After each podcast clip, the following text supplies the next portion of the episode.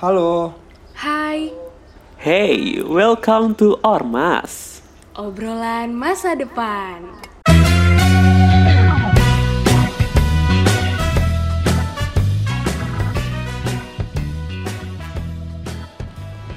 Halo muda-mudi Ormas, gimana nih kabarnya? Udah pada masuk kuliah kan? Udah dong, Toh. Tapi baru masuk gini harus tetap semangat gak sih? Kayak masih awal-awal kuliah gitu kan, harus semangat karena kita tuh punya vibes baru di perkuliahan pertama ini ya nggak? Iya, bener banget tuh, Vin. Apalagi eh, kita juga punya vibes kayak temen baru, terus juga dosen yang baru, dan yang paling penting nih, dosennya semoga nggak ada yang killer sama doyan nimbun tugas. Waduh, waduh, mantep bener banget sih. Sebenarnya killer pun nggak apa-apa sih ya. Yang penting aman gitu nilai kita. Bener sih, semoga aja deh ya semester kali ini IP kita makin naik, amin ya kan? Aduh. Amin. By the way, gimana nih guys kabarnya kelas baru ya kan? Kalau semester baru pasti kelasnya ganti juga dong ya, pasti kelas baru. Pada seru kan ya? Seru sih, seru parah gila. Kalau aku sih seru banget, meskipun masih online nih, tapi aku rasa masih aman-aman aja sih. Oke mantap sama sih, aku juga gitu. Hmm, ngomongin yang baru-baru nih ya guys ya. Tadi kita ngomongin semester baru, terus kita ngomongin dosen baru, teman baru juga. Nah untuk menemani beberapa menit ke depan, kita juga ada sesuatu yang baru lagi loh guys. Wah, Wow, gila. Apa nih, apa nih yang baru? Kepo banget sumpah. Iya, bener banget. Jadi yang baru, yaitu di episode kali ini kita bakal kedatangan salah satu mahasiswa yang kira-kira nih bisa jadi panutan, khususnya buat kamu sebagai mahasiswa. Iya, panutan gak tuh Rio? Waduh. Kepo gak sih kalau udah panutan-panutan gini nih? Waduh. Eh, alias yang kayak emang udah dijadiin contoh banget gitu ya? Mm-mm. Hmm, benar. Siapa tuh kira-kira tuh? Aduh, keren banget gak sih pastinya ya? Karena orangnya nih langsung bisa dijadiin contoh gitu kan sama mahasiswa. Hmm, kalau aku sih nggak sabar banget sih pastinya, tapi eh, mungkin bisa di-spill dulu kali ya. Boleh tuh di-spill dulu.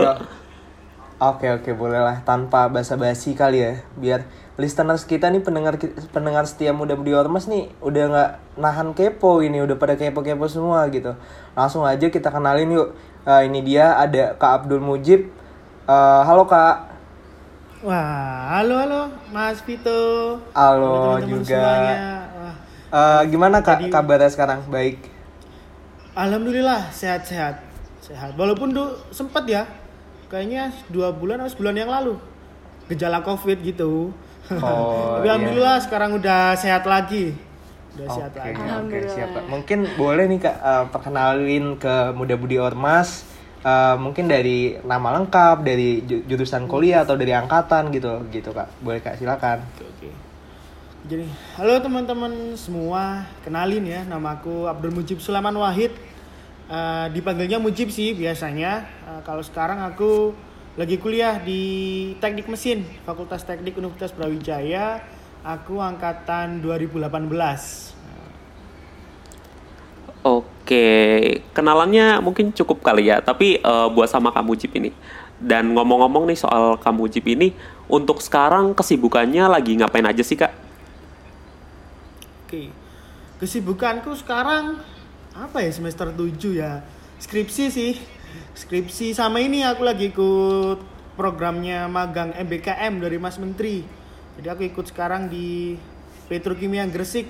Ya, jadi mondar mandir eh, Senin sampai Jumat aku di Gresik, habis itu Jumat sore pulang ke Malang buat ngerjain skripsi, ambil data di lab gitu kan. Baru Minggu malam atau kalau nggak Senin pagi balik lagi ke Gresik. Ya udah gitu aja. tiap Wah. tiap harinya doain aja semoga tahan banting ya udah harus Oke bolak-balik oke oke siap Kak. Wah mungkin sibuk banget sih ya Kak. Bolak-balik ke Gresik ke Malang gitu kan ya. Walaupun eh, banyak nih kegiatan-kegiatannya atau aktivitas-aktivitas yang dilakuin. Sumpah itu kayak menarik banget sih Kak kegiatan dari Kak Abdul Mujib ini.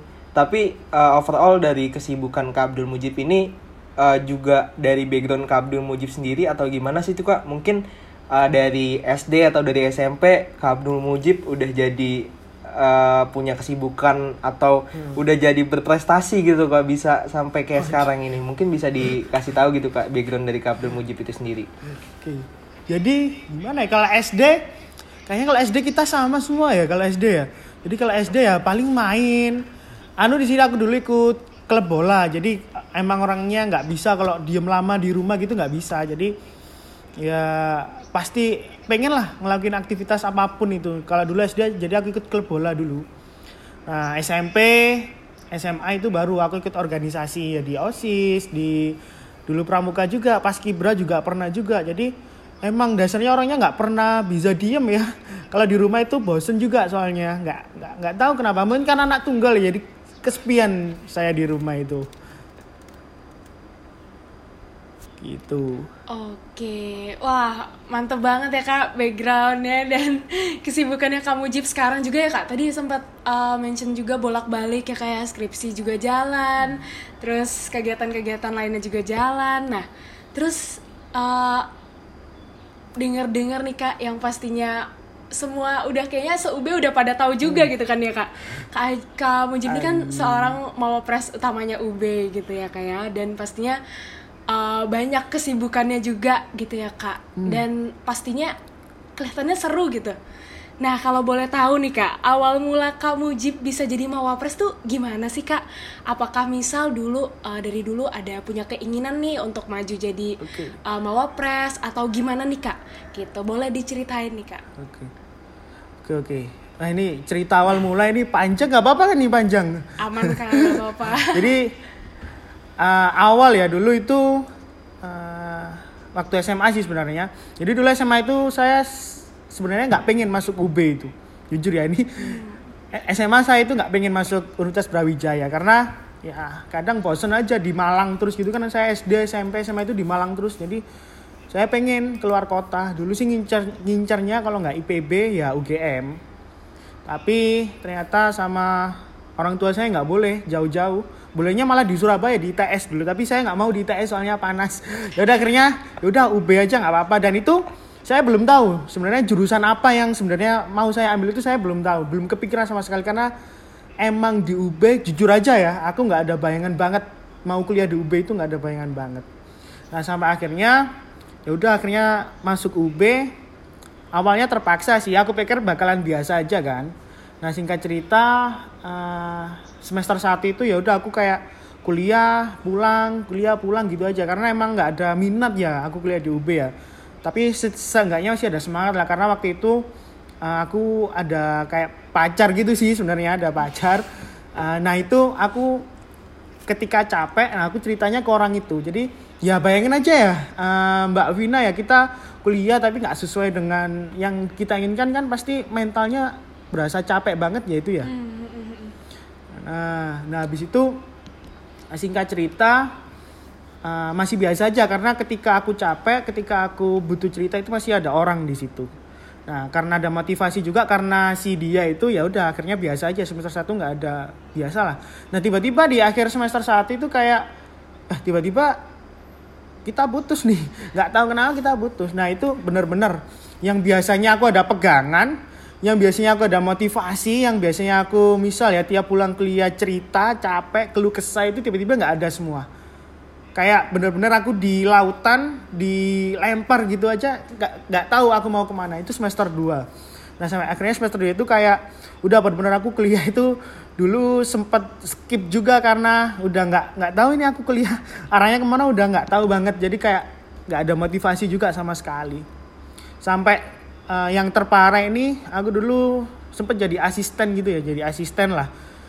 Nah aku sampai ngilang itu dulu Mbak Vina ngilang karena bener-bener nggak betah dari tekanannya dan sebagainya karena nggak ada teman cerita juga ya akhirnya nggak betah lah itu.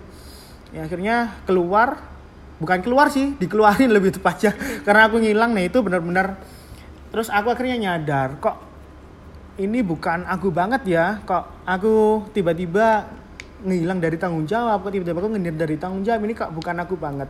Nah sampai akhirnya suatu saat aku itu dulu pernah diajak temanku ndaki ke Semeru waktu itu Gunung Semeru. Nah ketika sampai puncak Semeru itu kayak nggak tahu ya tiba-tiba dapet entah ini wasiat atau apa ya. Kayak aku ngelihat Semeru itu puncak kan itu puncak atapnya Pulau Jawa itu kayak wih ternyata puncak itu indah banget ya. Kayak aku sampai nangis di situ kayak wih puncak itu indah banget. Karena mungkin luapan emosi juga ya capek segala macam nah sampai sampai akhirnya di rumah itu aku mikir aku juga pengen loh lihat puncak hidupku sendiri. Bukan puncaknya alam aja tapi aku pengen lihat puncaknya hidupku sendiri itu kayak apa. Nah akhirnya dari situ titik balikku di situ. Nah uh, dari situ aku punya niat punya prinsip. Aku uh, bukan hanya balik ke titik nolku lagi tapi aku harus melebihi ke titik awal gitu lagi. Kayak misal ya aku dulu ada di titik 10 gitu ya terus habis itu jatuh sampai minus. Aku bukan pengen hanya balik ke titik 10 itu lagi tapi aku harus lebih dari titik 10 itu lagi. Nah dari situ akhirnya aku mulai kayak maksa diriku sendiri menerima emang takdirku diubah ya gimana? Aku harus menerima itu.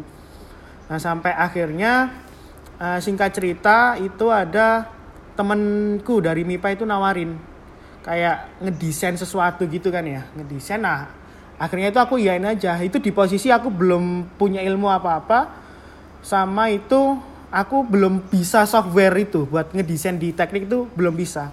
Tapi aku yain karena ketika itu aku cuma pengen udah aku pengen bisa desain aku pengen punya value dalam diri aku. Akhirnya desain itu yang aku tekuni. Nah singkat cerita aku desain nggak dibayar juga waktu itu. Susah juga akhirnya belajar kurang lebih sebulan. Nah singkat cerita ternyata yang minta tolong desain itu adalah kakak tingkat dari Fakultas MIPA. Nah singkat cerita akhirnya aku diajak lah ikut lomba ke Malaysia. Itu nggak presentasi aku jadi cuma desain aja awal itu mungkin karena timnya kurang ya. Nah sampai situ akhirnya ada aku ketemu mawapres utama UB tahun 2019 namanya Mas Adam Lukman Cauba. Nah dari situ akhirnya wih aku bukan siapa-siapa yang aku sempat apa ya kayak bukan aku sendiri ternyata aku bisa ketemu sama pres utamanya UB nih Nah di situ akhirnya muncul motivasi kira-kira bisa nggak ya aku jadi maapres kayak Mas Adam. Di sisi lain biar ngejar juga bahwa aku harus bisa lihat puncak hidupku ini kayak gimana. Aku pengen lihat keindahan puncak hidup ini kayak gimana. Jadi sejarahnya gitu sih. Kalau motivasi kenapa pengen jadi mawapres salah satu motivasi ya. Oke, okay. gitu, wow, sangat itu ya apa namanya panjang juga perjalanan dari awal sampai sekarang gitu jadi mawapres. Tapi aku apa ya tertarik juga nih terhadap perjuangannya kamu Jeep hmm. yang tak terkalahkan gitu ya buat jadi mawapres sampai sekarang dan akhirnya hmm. sampai jadi mawapres uh, di masa sekarang gitu. Dan hmm. ngomong-ngomong hmm. soal tadi nih dari mawapres sendiri itu tugasnya gimana sih kak? Mungkin bisa diceritain gitu. Oke, Mawapres ya sebenarnya dia jadi sebenarnya eh, Mawapres itu agendanya Kementerian Pendidikan dan Kebudayaan. Jadi emang ada agenda pemilihan mahasiswa berprestasi. Nah itu perjenjang gitu. Jadi pertama tingkat jurusan, tingkat, tingkat fakultas, habis itu tingkat universitas, habis itu ke tingkat nasional. Nah Mawapres sendiri itu uh, tugasnya ya sebagai interprestasi suatu kampus gitu. Jadi uh, UB ada Mapres, UGM ada Mapres, UI ada Mapres. Nah itu sebagai interpretasinya suatu kampus bahwa mahasiswa ini yang bakal mewakili kampus ini ke ajang pemilihan mahasiswa berprestasi di tingkat nasional. Nah, jadi kurang lebih tugasnya ya sebagai interpretasinya suatu kampus sih Mas Aji ya, hmm. gitu. Oke oke siap kak. Jadi emang menjadi ibaratnya prima dona kampus banget gitu ya kayak. Prima dona. Kalau dipikir-pikir nih ya kak, jadi mama pres tuh pasti punya banyak amanah yang luar biasa sih ya. Banyak juga nih iya. pasti uh, waktu Kak Mujib yang kesita untuk aktivitas yang padat gitu.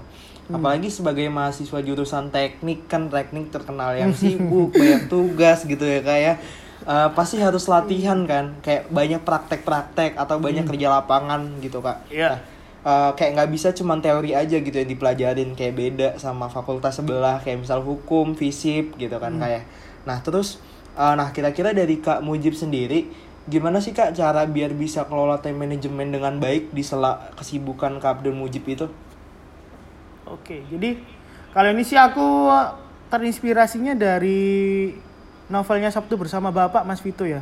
Di situ ada kata-kata bahwa keberhasilan itu pasti diawali oleh perencanaan yang matang saya terinspirasinya dari situ jadi akhirnya ketika dulu offline ya kalau offline kan padat banget ya nggak bisa double device lagi dulu kalau offline ya nah karena dulu saya selalu buat perencanaan gitu jadi kalau dulu aku buatnya itu setiap jam kegiatanku itu apa. Nah itu harus ditulis, harus ditulis masih itu. Karena kalau nggak ditulis kita cuma bayangin aja, ya di situ bakalan banyak lossesnya. Nah akhirnya makanya itu aku tulis. Jadi per jam itu aku tulis. Jadi ah, misal ada kuliah jam 7 sampai jam 8 ya udah aku tulis itu. Sesimpel itu. Aku mau makan pun aku tulis di situ di dulu di notes kalau aku. Nah, akhirnya ketika kita udah nge-breakdown kegiatan-kegiatan kita yang penting, akhirnya kan kita pun kita bisa tahu ya waktu luang kita kapan. Nah, akhirnya ketika ada taman kegiatan masuk ya udah kita tinggal masuk-masukin aja kegiatannya itu. Termasuk ketika kita pengen nongki, ya udah kita masukin aja nggak apa-apa. Nah, karena time apa ya prioritas waktu itu udah kita isi di awal. Jadi akhirnya ketika ada waktu kosong kita tinggal masuk-masukin aja. Nah itu pentingnya menulis sebuah perencanaan, utamanya di perencanaan waktu kayak gitu Mas Vito. Oke, wah menarik banget sih kak cara untuk time managementnya ya. Kayak menulis prioritas eh, meskipun itu nongkrong juga tetap ditulis gitu ya kayak biar nggak kelewat. Karena kalau iya dong misalnya di, harus. Uh, uh, uh, kalau misalnya di pikiran suka ada yang miss gitu ya. Oke. Nah tapi nih kak kalau misalnya untuk soal seimbangin gitu kak atau ngebalance antara belajar sama kegiatan lainnya misal eh, gimana sih caranya untuk eh, nyamain eh, porsi antara lomba, project dan magang gitu kak. Nah itu gimana kak cara menyiasatinya? Jadi sebenarnya eh, fokus sih kuncinya adalah fokus. Jadi misalnya ketika saya sedang magang ya udah saya fokus di magang dulu aja. Jadi jangan sampai ketika kita melakukan suatu kegiatan fokus kita itu ada dua karena di situ bakalan nggak maksimal. Nah kuncinya adalah fokus. Jadi uh, fokus didukung dengan time management yang ada. Jadi misal ya kita pagi udah merencanakan, aku pagi fokus untuk kuliah dulu. Ya udah kita mikirin kuliah aja dulu. Gak usah mikir yang lain, gak usah mikir aduh uh, tugas magangku belum selesai. Aduh uh, apa? Paper KTI ku belum selesai, nggak usah mikirin itu. Fokus aja kuliah dengan time management yang udah kita tentukan. Nah baru setelah itu ketika udah tiba waktunya, ketika udah tiba waktunya ngerjain tugas magang ya udah fokus kita beralih ke tugas magang. Jangan mikirin yang lain. Nah, karena kalau kita satu kegiatan tapi fokus kita terpecah nggak akan maksimal di situ. Oke. Ah, gitu. Jadi Jadi, selain fokus. fokus. tadi, kita juga perlu apa ya? punya patokan sendiri buat ngatur time management gitu ya kak? Maksudnya? Oke. Ah, Oh oke oke kalau oke. saya bilang itu adalah tanggung jawab terhadap waktu Mas Haji. Jadi misal kita udah ngeplan, hmm, kita udah ngeplan ya jam 7 sampai jam 8. Ya udah berarti kita harus konsisten dengan apa yang kita rencanakan di situ. Nah, kalau semisal semisal kita tiba-tiba males, ya udah berarti kita harus bertanggung jawab atas kemalasan kita tadi itu juga kayak gitu. Jadi Oke, tapi aku masih kepo nih kak, eh, waktu. yang tadi pertanyaan mawapres aku ini, kan tadi udah berkegiatan sebagai mawapres gitu ya. Nah, dari mawapres Hmm. sendiri ini punya tantangan terbesar nggak sih kak eh, kegiatannya, eh ke- tantangannya itu kayak apa? Terus juga gimana buat eh, ngatasinya gitu kak?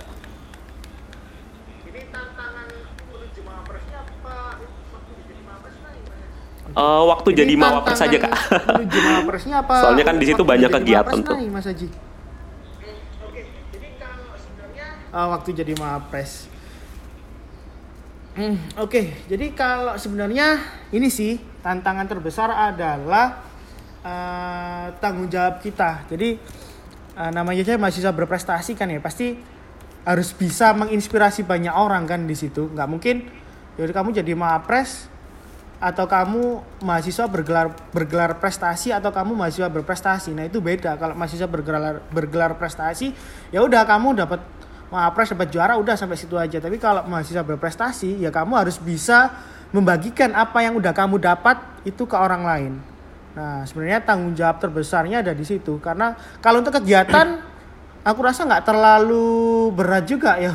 Karena dari sebelumnya emang kan udah biasa karena mapres dilihatnya itu ada tiga aspek akademik, organisasi, prestasi dan juga ada satu lagi rekogni- rekognisi atau pengakuan. Nah harusnya kalau jadi kalau udah jadi mawapres harusnya terbiasa dengan kegiatan yang sangat padat. Nah tantangan terbesarnya adalah after mawapres kamu mau ngelakuin apa nih? Apa kamu cukup jadi mawapres saja udah selesai gitu? Apa kamu mau membagikan apa yang udah kamu dapat ke orang-orang lain?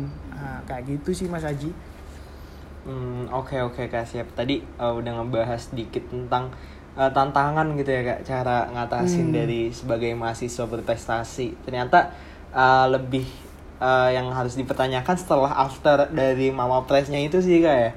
Oke oke. iya Jadi benar uh, mungkin uh, kak Abdul Mujib uh, mama pres pasti udah kayak banyak mengikuti kegiatan di kampus atau di luar kampus gitu ya kak ya. Pasti kayak banyak Ah. acara atau undangan-undangan, project gitu. Nah, mungkin boleh nih kak diceritain pengalaman unik jadi mama pres itu gimana sih kak? Oke. Unik ya ini mungkin waktu proses penjurian aja ya kayaknya. Ini jujur momen yang paling berkesan sih bagi saya. Jadi dulu waktu penjurian ya kan ada final presentasi gitu kan ya. Nah itu kita dikasih waktu 30 menit untuk tanya jawab. Nah itu yang tanya itu ada profesor-profesor. Dulu ada Prof. Aulani Am WR satunya UB habis itu ada ketua LPPM-nya Prof. Elo habis itu ada Prof. Hendran jadi kayak prof-prof semua lah yang tanya. Nah di situ 30 menit itu aku pikir 30 menit itu dibagi untuk orang-orang banyak. Nah ternyata enggak. Hampir 20 sampai 25 menitnya sendiri itu dihabisin buat aku sendiri. Nah itu da- dan itu yang ngabisin bukan hanya dosen tapi profesor-profesor. Bayangin profesor nanyain orang yang sarjana aja belum. Nah, di situ jujur paling unik karena secara mental aku siapnya 5 sampai 10 menit karena itu pertanyaan yang paling lama yang selama ini aku hadepin. Tapi ternyata di final Mawapres itu bisa sampai 25 menit aku ditanyain profesor-profesor itu tadi. Nah, itu jujur mental down kayak aduh ini apalagi ya jawab apa lagi ya karena profesor tanyanya out of the box banget. Nah, situ akhirnya eh, memaksa otakku buat bergerak cepat waktu itu. Jujur itu paling berkesannya sebenarnya di situ. Karena ya kita sarjana sarjana aja belum yang tanya udah profesor-profesor gitu. Oke oke. Wah, apa menarik banget sih kak. Benar-benar kayak eh, di final roundnya gitu ya kak ya. Eh, ngerasa Iya, durasinya ah. panjang, profesor. Hmm. Oke, oke mungkin buat teman muda-mudi ormas yang mau jadi mau pres bisa mempersiapkan ya sejak sekarang gitu. Kalau bakal di finalnya eh, ditanya-tanyain panjang gitu ya sama para profesor. Nah, lanjut nih kak. Hmm, sebagai mawapres tentunya bakal banyak dapat kesempatan beasiswa gitu ya kak ya dan dengar-dengar juga dari kak Mujib juga uh, udah dapat beasiswa yang pastinya bisa di sharing nih kak ya ke muda-mudi ormas gitu nah boleh nih kak diceritain uh, dari kak Mujib pas dapat beasiswa tuh gimana dan kiranya ada tips and trick yang jitu nih kak untuk uh, dapat beasiswa gitu boleh kak di share Oke. Oke, jadi oh iya teman-teman, jadi aku juga menerima beasiswa ya, beasiswa Jarum yang ya salah satu beasiswa tertua lah di Indonesia juga. Nah, beasiswa Jarum ini aku dapatnya sebelum aku jadi Mapres malahan Mbak Vina. Jadi sebelum aku jadi Mapres, aku udah dapat beasiswa Jarum duluan. Nah, waktu itu yang aku lakuin itu intinya ya kalau di beasiswa itu adalah apa yang kamu lakukan itu apakah bermanfaat bagi orang banyak atau enggak. Nah waktu itu aku sedang ada project PKM kan. Nah akhirnya itu yang aku jadiin senjata ya istilahnya ya buat aku ceritain panjang lebar di sesi interview. Nah dari dari situ akhirnya yang interviewer itu sangat tertarik banget dengan aku yang eh, dengan yang aku lakuin, terutama dampaknya setelah itu. Jadi mungkin buat teman-teman juga ketika teman-teman melakukan sesuatu eh, atau melakukan project apalah ya itu, nah itu bukan hanya untuk diri teman-teman sendiri tapi untuk lingkungan teman-teman itu kira-kira dampaknya dapat apa. Nah itu poinnya plus banget buat dapetin beasiswa.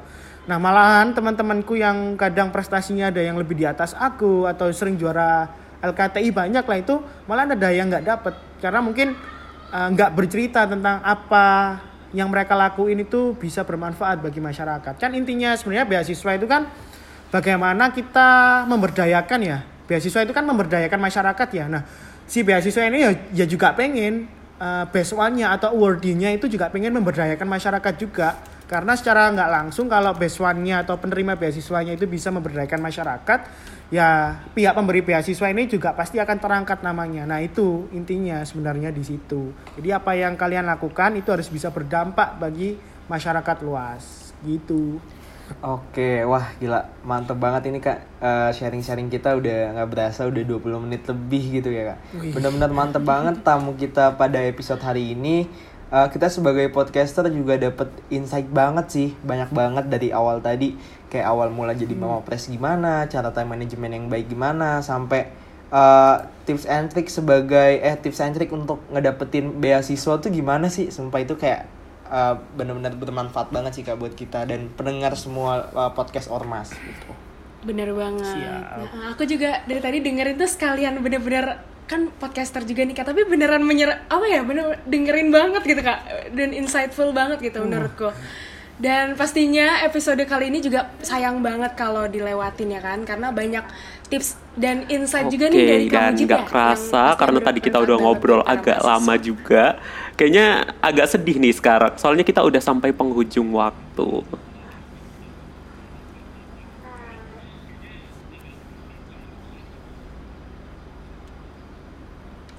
Nah, iya nih. Terakhir boleh nih dari kamu Jip menyampaikan closing statement atau misal pesan gitu ya kayak yang ingin disampaikan ke muda-mudi ormas yang lagi dengerin podcast kita hari ini.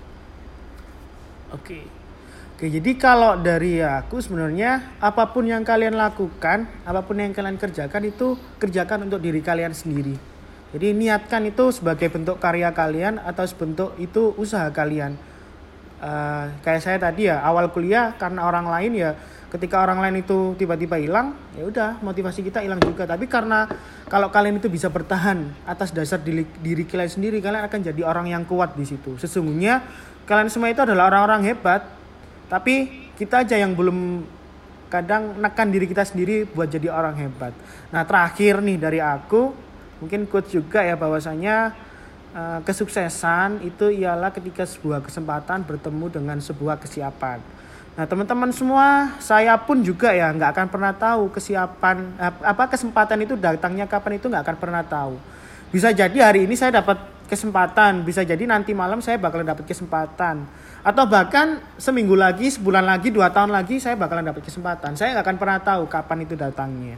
Tapi kalau kesiapan, mulai detik ini, mulai hari ini, saya bisa menyiapkan diri saya itu sebaik mungkin.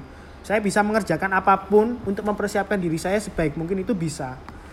Nah, pada suatu saat ketika kesempatan itu datang tiba-tiba, teman-teman udah siap, di situlah akan yang terbentuk namanya kesuksesan. Karena kesuksesan itu tadi. Oke, makasih banyak buat kamu Jip buat pesannya yang tadi closing statementnya Betul. gitu ya. Dan kita juga mau ngucapin eh, terima kasih banyak buat kamu Jip udah menyempatkan hadir di podcast Ormas dan semoga eh, lancar dan apa ya dilancarkan aktivitasnya gitu.